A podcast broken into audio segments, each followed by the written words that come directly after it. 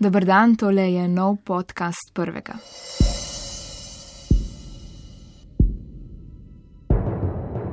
Nobenih izrednih ur, nadur, prazničnih ur, vse so plačali enako. Če nismo prodali robe, smo morali vrniti bone, ki so nam jih dali za malico. Za regres so stalno govorili, bo malo pozneje, malo pozneje. Rekli so, lahko delaš, ampak plačali ne bomo, ker si to lahko privoščimo.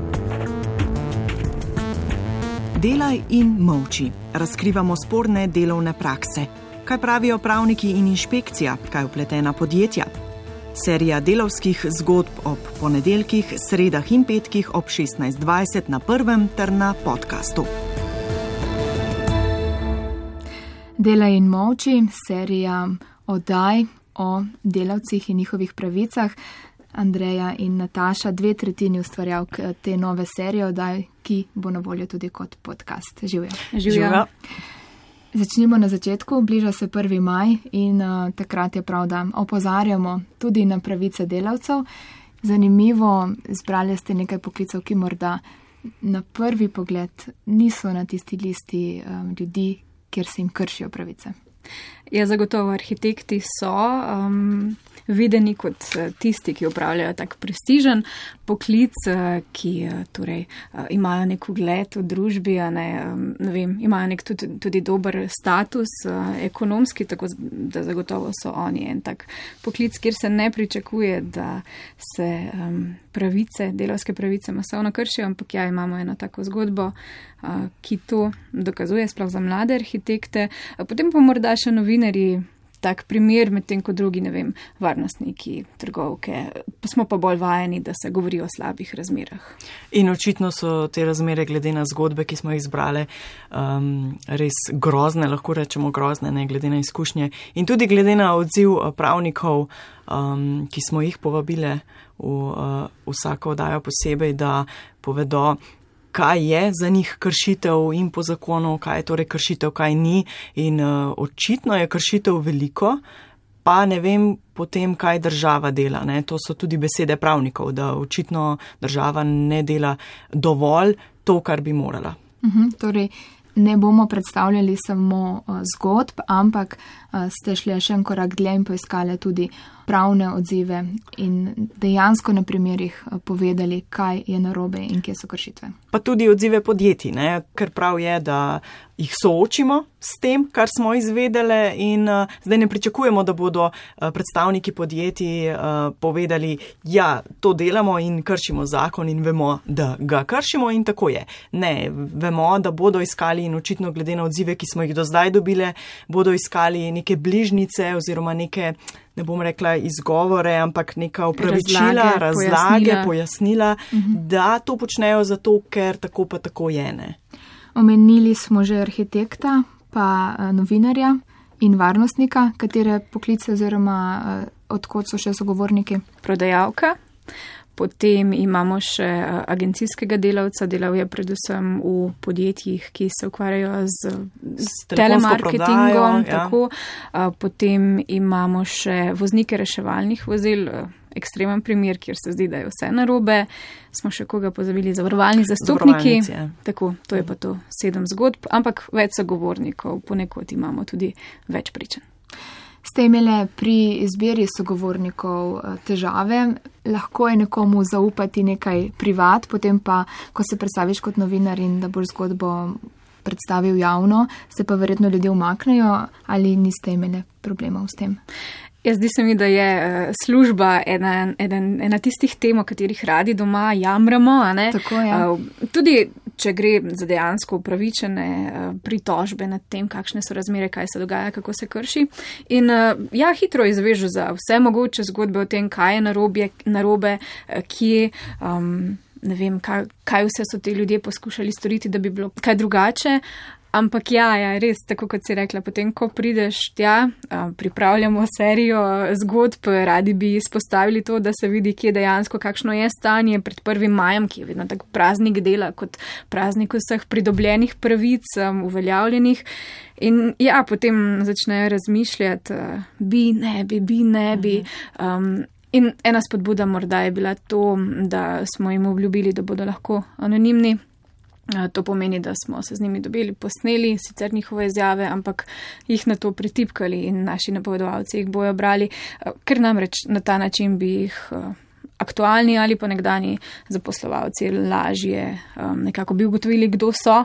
Vse, vse pa je bilo strah, da bi imeli potem težave ali v službi, če še delajo tam, seveda, da bi jih odpustili. Uh, mnogi od njih pa tudi ne delajo več v podjetjih. Um, iz katerih imamo zgodbe, ampak so prav tako rekli, um, raje ne bi, ker imajo v tem podjetju nekako navado, da če greš kam drugam, če daš odpoved, če se pritožiš, če iščeš novo zaposlitev, da morda tja, kamor izvedo, da boš šel, tudi pokličejo, povedal kar, kaj grdega. Ja, Sloven, Slovenija je majhna, ne? tako da to se tudi tukaj kaže pri teh primerih. Ne? In to je gotovo tudi še eden od pokazateljev, da a, morda delavci ne poznajo čisto svojih vseh pravic, da imajo to strah. Ja, zagotovo. Tudi naprimer v primeru trgovke, um, odgovorni iz podjetja me je vprašal, če se je pritožila.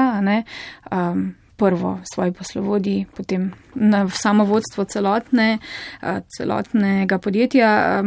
Ja, na prvi stopni je rekla, ne, zakaj se to dogaja, ni rekla, to, to je kršenje mojih pravic, ker morda niti ne ve tako zelo točno, više pa ni šla. Ne.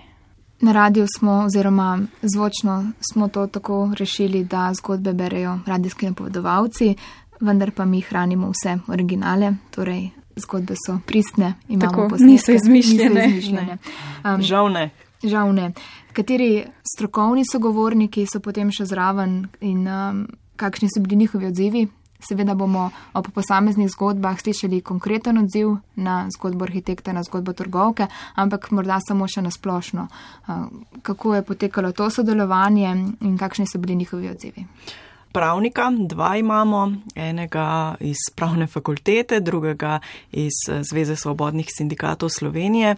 Oba takoj pripravljena na pogovor, na sodelovanje, seveda to je zadeva, s katero se vsak dan eh, soočata.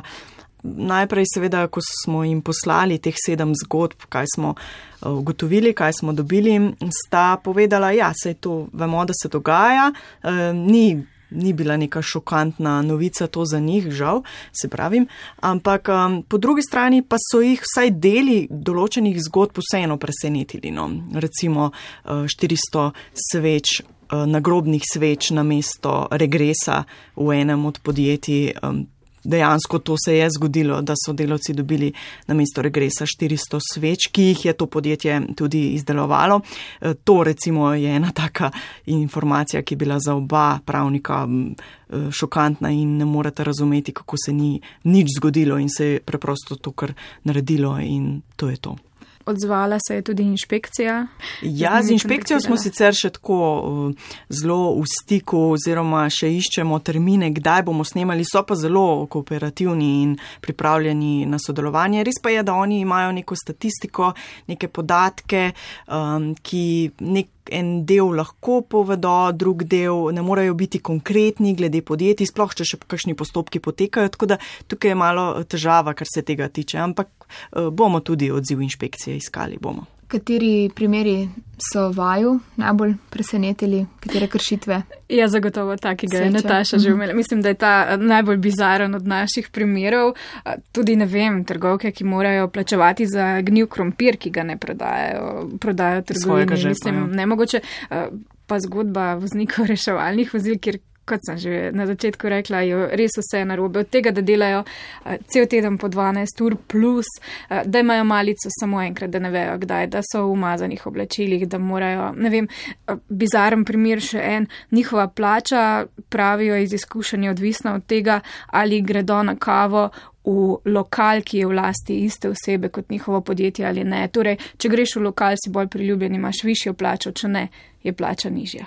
Zanimivo, ob ponedeljkih, sredah in petkih na prvem in na podkastu delavske zgodbe, kršitve in um, ravno prav, da bo prva majska budnica verjetno tudi zazvonila tudi v takih primerih. Zagotovo upam, da se kje kaj spremeni. Čeprav morda še en primer, ta regres smo dobili odziv že iz podjetja, tudi no njim se ne zdi nič narobe. Iz prakse vemo, da se letos malo drugače so se lotili vsega skupaj, ampak ne priznajo pa, da so kršili zakon. Nataša in Andreja, hvala. Enako. Hvala.